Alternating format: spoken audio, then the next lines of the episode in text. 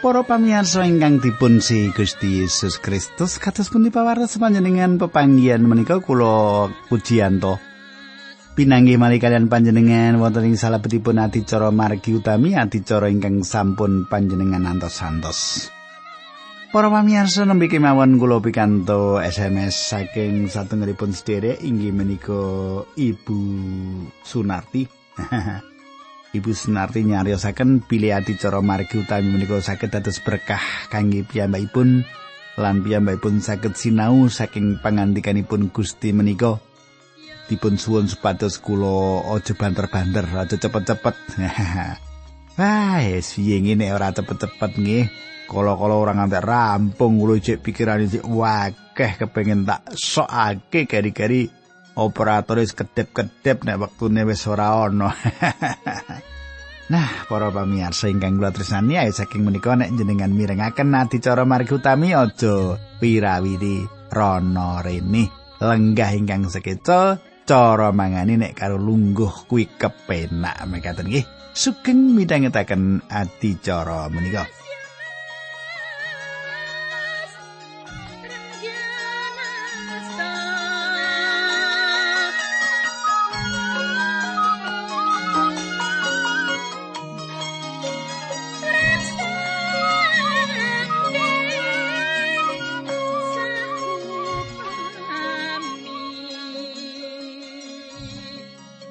Para pamirsa menapa panjenengan tasih kemutan menapa ingkang kula aturaken duk nalika pepanggihan kepengkering kesipun nalika semanten nggih menika kula ngaturaken bilih Paulus ngatak saben tiang pitados supados tiang pitados menika nyucekaken badanipun piyambak.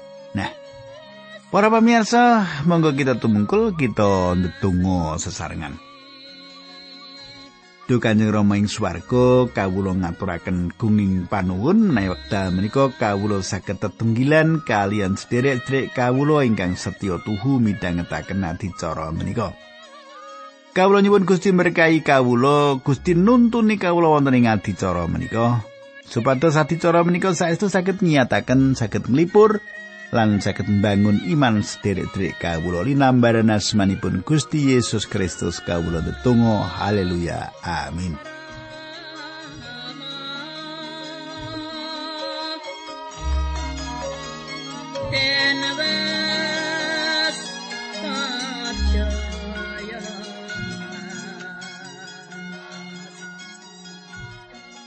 Kadang kula pasinon kita samenika lumebet kalih Korinta bab pitu ayat kalih.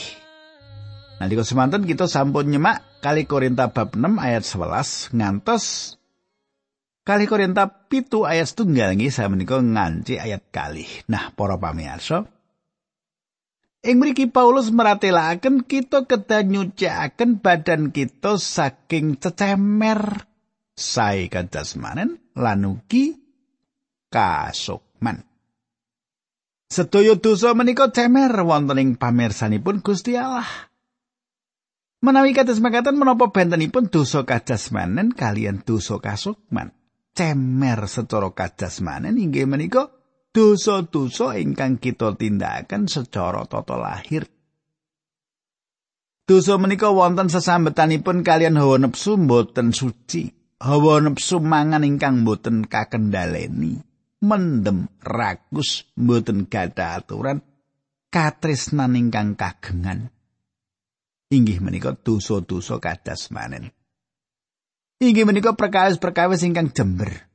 Panjenengan lan kula perlu mangertos bilih jagat samenika langkung ngajeni dumateng dosa-dosa kadas manen. Kadang kula wonten saperangan jerek ingkang sanjang pilih alkohol menika mboten bebayani.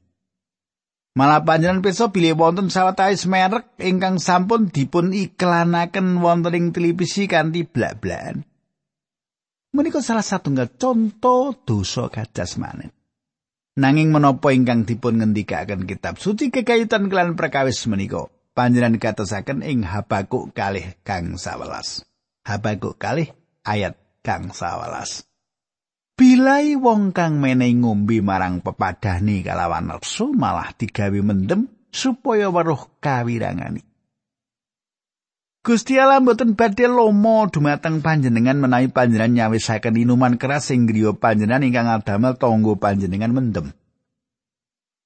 Pangandikanipun Gusti mboten marengaken pangandikanipun Gusti mboten marengaken. Salajengipun contoh sanes bab cemer ing babagan kajasmanen inggih menika upaminipun sate buku. Anggenipun sate buku ingkang dipun sate kebak buku-buku ingkang saru. Buku menika meratelaken bilih manungsa saged ngraosaken marming gesang menawi nindakaken seks kumpul kakung istri. Menawi panjenengan dados jejeripun tiang Kristen badhe nuruti pepinginan kados makaten menika, Gusti Allah mboten saged tumindak minangka jejeripun Rama panjenengan. Sinoso sejatosipun panjenengan menika dados putranipun Gusti Allah mboten saged tumindak minangka jejeripun Rama ingkang nganggep panjenengan menika putranipun. Kadang kula. Ing mriki Paulus mestani cemer ing roh. Dosa ingkang kados menapa menika? Kados pundi kekayutan kalian tiang ingkang remon mit mitenah? Kados pundi kekayutan rengenipun mitenah kejem dumateng sederek tunggal pitados? Kathah tiang ingkang boten ngokang bedil terus bedil nanging tiang-tiang menika namung ngunus glati lajeng ngagar ing wingkinganipun tiang wedal tiang boten purun mirengaken Saperangan tiang suci ing gereja nindakaken perkawis kados makaten menika. Wonten dosa-dosa ingkang winati roh sajinis gumedhe lan ugi bombong dumateng badan piyambak. Komengsun gumedhe boten pitados lan rakus inggih menika dosa jember roh. Kathah tiang suci ing gereja ingkang gesang kinantenan tembung aja ngombe aja ngrokok aja dolanan kartu Mboten wonten satunggal kemawon ingkang ngrokok nanging tembung-tembungipun langkung ngobong tinimbang kalian rokok. Inggih menika sawetawis dosa roh. Kadang kula ing mriki Paulus meratelaken malih bilih kita kedah nyucikaken badan kita saking sedaya patrap cemer kajasmanen lan kasukman. Kani mangkaten nyempurnakaken kasucen kita ing salebetipun ajrih dumateng Gusti.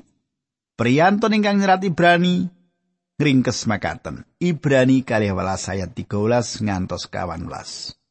Sarto jejeko lakune sikilmu supaya kang pincang aja nganti kongsul nanging dadi waras. Padha ngudiya rukun karo sekabeng wong sarta ngarao marang kasucen jalaran tanpa kasucen siji wae ora ana kang bakal ndeleng Gusti Allah. Sang Kristus inggih menika kayektosan kita. Sang Kristus inggih menika kasucen kula. Perkawisipun inggih menika gesang kula lan kasampurnan kagunganipun pinisah tepi sanget. Gusti Allah paring pangandikan kita mboten kedahipun wonten jurang pamisah kasukman ingkang lebet. Gusti ngersakaken supados kita suci ing salebetipun gesang kita. Ayat kalih Aja padha weneh ana papan ana ing atimu. Aku ora tau kaluputan karo wong, ora gawe pitunaning wong lan uga ora ngasil-ngasil marang wong. Kadang kula Paulus jamin pilih piyambakipun boten pados hasil saking sinten kemawon. Paulus mboten lintutaken arta sinten kemawon. Paulus mboten dumugi kangge mendhet pisungsung proyek menapa kemawon. Pengajeng-ajeng kula tasih kata tiang Kristen ingkang saged sanjang kados makaten menika. Kula kadang kala ngraosaken wonten bab ingkang boten dipun tindakaken leres dening pimpinan gereja kita. Pikiran kula inggih menika menawi wonten ing kang nyumbang tugas pimpinan gereja inggih menika nindakaken arta menika selaras kalian tujuanipun. Pimpinan gereja mboten saged sanjang duit kuwi tak lebake kanggo dana umum utawi manut rapat duit pisungsungmu kuwi kanggo nglunasi utang bangunan kita. Paulus saged jamin bilih piyambakipun mboten ada melepat dumateng sinten kemawon. Mboten ngrugiaken sinten kemawon lan mboten patus patus dateng sinten kemawon. Kula lajengaken ayat 3. Anggonku kondo mengkono iku ora marga saka matrapi pakuman marang kowe awit mau wis ndak kandhake menawa kowe wis oleh papan ana ing atiku teman kita bareng urip lan bareng mati para pamirsa panjenengan semak Paulus tresnani tiang-tiang Kristen menika Tiang-tiang Kristen menika wonten ing manahipun Paulus ayat sekawan. Karo kowe iku aku blak-blakan banget lan uga banget anggonku ngegung-ngegungake kowe. Sajrone aku padha nandang susah, aku kebak panglipur lan kalubiran kabungahan. Kadang kula Paulus nyukani mangertos pasaman pilih piyambakipun kalipur lan kebak kabingan. Ayat gangsal. Nalika aku padha teka ing tanah Makedonia, aku padha ora bisa tentrem malah ana ing ngendi aku padha nemu kasusahan. Ing jaba tarung lan ing jero wasumelang ayat 6 lan pitu ugi wolu. Nanging Gusti Allah kang nglipur marang wong kang padha lembah ati niku wis nglipur aku kabeh mergo saka tekane Titus. Ora mergo saka tekane wae nanging uga margo saka panglipur kang dialami ana ing tengah-tengahmu. Awet dheweke wis nyeritakake marang aku mungguing kangenmu pangresahmu katemenanmu anggonku mbelani aku teman saya wuwuh kabunganku. Dadi senajan aku wis gawe sedihmu marga saka layangku nanging aku ora keduwung. Panjen aku tau keduwung marga aku sumurup menawa layang iku nyedihake atimu senajan mung sawetara mangsa. Nanging saiki aku bungah ora marga anggonmu wis sedih nanging marga kesedihanmu iku njalari kowe mertobat sebab anggonmu padha sedih iku nyondongi ing karsane Gusti Allah. Teman satitik baik kowe ora ndak rugekake kadang kula. Menika cekap ngremenaken. Inggih awis saking menika kita saged ngajeni menapa ingkang dados tembungipun. Emut ing seratipun ingkang kawitan Paulus nyerat kanthi seratan ingkang saestu keras. Paulus mestani tiang Korintus menika bayi lan kadonyan. Paulus nedahaken bilih ing tengahipun pesaman wonten panera ageng ing babagan kasusilan lan Paulus ngengken sepados nyirnakaken patrap makaten menika. Lan pasaman nindakaken kados menapa ingkang dipun kajengaken Paulus. Emedal Titus tumugi ing Filipin derek pelatusan kalian Paulus, piyambakipun nyukani mangertos bilih pesamuan Korintus sampun ngerampungaken prakawis menika lan ingkang lepat mertobat saking panera ageng babakan kasusilan menika. Selajengipun Paulus nerat pasal kali ing seratipun ingkang kaping kali supados tiang-tiang ingkang sampun nerak paugeran menika dipun apunten lan dipun lipur supados ingkang sampun mertobat menika mboten kapenet ing penandang tiang menika dibeto malih ing salebetipun patunggilan kadang kula Sasampunipun nilaraken Efesus Paulus kesah datang Troas. Ing mriku Paulus ngentosi nanging Titus mboten dumugi. Ngentosi Titus. Salajengipun Paulus wiwit nesu dumateng badan piyambak ingkang dipun pikir inggih menika kudune aku ora nulis layang landhep marang pesawan Korintus iku utawa aku kudu nekani wae wong-wong iku. Paulus nglajengaken dhateng Filipi lan ing mriku Titus manggi Paulus lan nyukani pawartos kegayutan menapa ingkang dumados ing Korintus. Tentu wonten ingkang badhe sanjang kalian kula. Kula gadah pemanggi kita suci cara lisan dipun ilhami lan Paulus nyerat kanthi diilhami Sang Roh Suci ing wedal piyambakipun nyerat dumateng pesaman Korintus. Ah menika laras. Menika pangandikanipun Gusti ingkang dipun ilhami. Kula ngiyakini kanthi saestu kados pundi kalian Paulus ingkang nepsu dumateng badan piyambak. Menika awet Paulus menika manungsa. Gusti Allah adamel Paulus nyerat kados makaten menika supados kula lan panjenengan mangertos menawi Paulus menika namung manungsa. Menika kinetaken dumateng kita kados menapa sareh lan sekecanipun katresnanipun Paulus lan bilih panjenengan lan kula ugi kedah gadah patrap ingkang sami saestu wucaran ingkang saestu aji kanginipun kita. Paulus nate nampi pawartos lan kedah dipun serat. Sajrone aku padha nandang susah, aku kebak panglipur lan kalubiran kabungahan. Kadang kula saged ugi wonten tiyang ingkang mirengaken adicara menika lenggah lan nyerat serat dumateng sederek sana singkang dipun sakiti manahipun ingkang sampun mataun-taun kepengker. menawi sederek menika panjenengan panjenengan kedah sanjang kalian tiang ingkang panjenengan sakiti menika pilih panjenengan badhe ngrampungaken. Menapa panjenengan mangertos menapa ingkang kedah panjenengan tindakan kekaitan sederek ingkang panjenengan sakiti menika?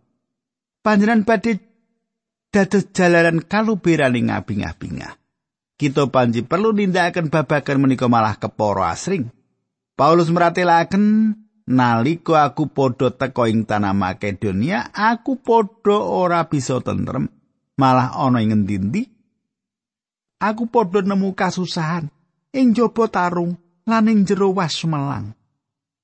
Menapa ingkang dipun serat Paulus menika sanget dening pribadi.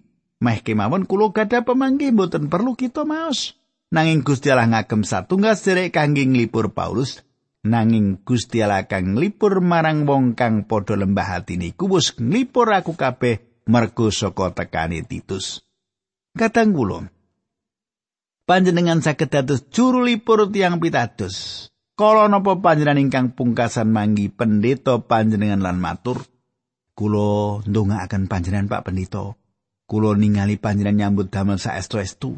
Kulo nyengkuyung perkawis-perkawis ingkang kegayutan Gusti Allah lan perlu panjenengan mangertos kulo nyengkuyung panjenengan. Tentu pendeta panjenengan sangat ngajeni panjenengan.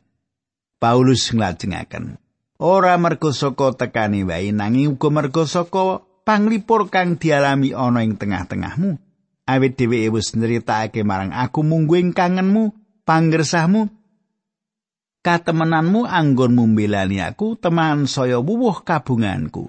Kanthi tembung sanes kowe nglipur titus lan titus nglipur aku. Kadang kula kula remen pikantuk tanggapan saking salah setunggal sederek ingkang mirengaken adicara menika. Kajriosipun dipun berkahi ngaten. Inggih awet saking menika kula gadah kekajengan menawi adicara ing radio menika kedah dipun lajengaken. Pasaman Korintus meratelaken perkawis-perkawis ingkang ngremenaken gegayutan Paulus. Ampun mangu-mangu nyariosaken perkawis-perkawis ingkang ngremenaken gegayutan tiang sanes. Ilat panjenengan boten bakal copot menawi panjenengan nyarisaken perkawis ingkang ngremenaken. Dadi senajan aku wis gawe sedihmu marga saka layangku, nanging aku ora kedubung pancen aku to kedubung margo aku sumurup menawa layang iku nyedhihake atimu senajan mung sawetara mangsa. Nanging saiki aku bungah. Ora mergo anggonmu wis sedih nanging mergo kesedihanmu iku njalari kowe mertobat. Sebab anggonmu padha sedih iku nyondongi ing kersane Gusti Allah. Temahan setitik wae kowe ora ndak rugekake. Kita lajengaken ayat sedoso. Sebab kasusan kang nyondongi kersane Allah iku nuwuhake pitobat lan nuntun marang karahayun kang ora gawi ketun nanging kasusan kang saka ing jagat iku nuwuhake pati. Kadang kula ing mriki kita manggihaken menapa ingkang dipun kersakaken Gusti Allah kegayutan kalian pamratobat ingkang sejatos. Pamratobat menika inggih menika ewah-ewahan pikiran ingkang saged kula aturaken satunggal satunggalipun pamratobat ingkang Gusti Allah kersakaken saking tiang ingkang kesasar inggih menika wonten ing tembung pitados. Pitados dumateng Gusti Yesus Kristus menapa ingkang dumados medal wonten tiang pitados wonten ewah-ewahan cara mikir patrap gesangipun kosok balen kalian jaman kepengker.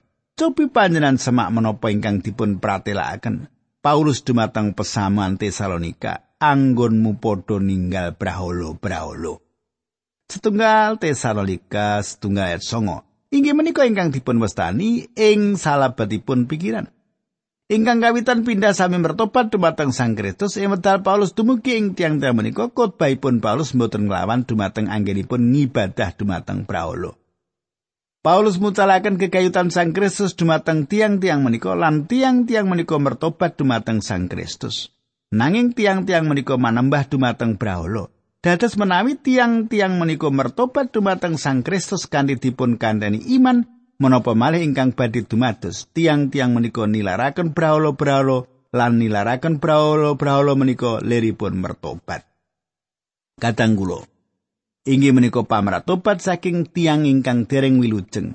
Inggih menika pamratobat ingkang nuntun dumateng kawilujengan. Kula mboten mangertos menapa Gusti Allah ngersakaken supados kita nengenaken pamratobat dumateng tiang ingkang dereng pitados. Nanging Gusti Allah ngersakaken kita nengenaken kegayutan Sang Kristus. E medal tiang-tiang menika nampi Sang Kristus, tiang-tiang menika badhe nilaraken kapitayan lawasipun lan lajeng sumindi dumateng Sang Kristus. Nanging Gusti Allah negasaken pamratobat dumateng tiang pitados menawi tiang pitados menika lampahipun tumuju dhateng arah ingkang lepat lumampahing salebetipun dosa kangenipun Paulus mboten wonten tembung nilaraken gesang lami meratobat kata sanget tiang ingkang gambil netesaken luh. Nanging mboten nedahaken pamratobat ingkang sejatos jinis panandang menika panandang kadonyan lan pakaryan pati. Pamratobat sejatos inggih menika panandang ingkang asipat kealahan ingkang sabab kasusahan kang nyondongi kersane Allah. Iku nuwake pitobat kang nuntun marang karahayun kang ora gawe getun. Ingkang dipun kajengaken inggih menika pamratobat ingkang tanpa raos getun. Kadang kula kathah sanget tiyang ingkang netesaken luh kathah nanging mboten wonten pamratobat ingkang sejatos. tiang-tiang menika netesaken loh. Nanging tiang-tiang menika gesangipun tetep sami. Lajeng tiang-tiang pitados ing Korintus pamratobatipun pamratobat sejatos. Kula lajengaken ayat 11 ngantos 13. Sebab padha gatekno kasedian kang nyondongi kersane Allah iku malah marakake kowe padha temen banget malah nuwuhake panjawab gelo wedi kasregepan pameleh. ing bab iku kabeh kowe wis padha nelakake menawa ora kaluputan ing perkara iku. Mulane anggonmu wis nulis layang marang kowe iku ora mergo saka ana wong kang luput utawa marga saka ana wong kang nandang susah. Amarga kapandho ing kaluputaning liyan mau nanging supaya tetelo tumrap kowe gumatimu marang aku ana ing ngarsane Gusti Allah. Ya mergo saka iku aku padha kalipur lan kajaba saka panglipur iku aku padha saya bungah meneh mergo saka kabungane Titus sebab kowe kabeh wis padha ngayemake atine. Panjenengan katasaken Paulus ngalembono pesaman Korintus awit pamratobat sejatosipun. Kita lajengaken ayat 18 ngantos 16. Sebab menawa aku nglairake pangalembono tumrap kowe marang Titus iku kowe ora gawe gelaku. nanging padha kaya anggon kutang sangandhake apa kang bener marang kowe semono pangalembanaku ana ing ngarepku Titus ya wis kayektenan temenan lan katresnane marang kowe saya mundhak gedhe yen ngelingi marang pamanutmu kabeh kepriye anggonmu nampani tekani kalawan wedi lan geter aku bunga banget dene aku bisa kumantil marang kowe ing sabu barang prakara Kadang kula Paulus mikak manahipun lan nedahaken reraosanipun ingkang paling lebet Paulus kebak asukurna lan abingah-bingah. Paulus sampun kalipur ingkang wonten ing manahipun Paulus inggih menika panglipuran Gusti Allah. Para pamirsa, monggo kita tumungkul kita ndedonga. Kanjeng Rama ing swarga matur nuwun menawi. Ing wekdal menika kawula saged midhangetaken sabda pangandikan paduka. Kawula nyuwun supados menapa ingkang dipaduka andharaken menika dados cepenganing gesangipun para sarakatan kawula menika linambaran asmanipun Gusti Yesus Kristus. Kawula netunggal haleluya. Amin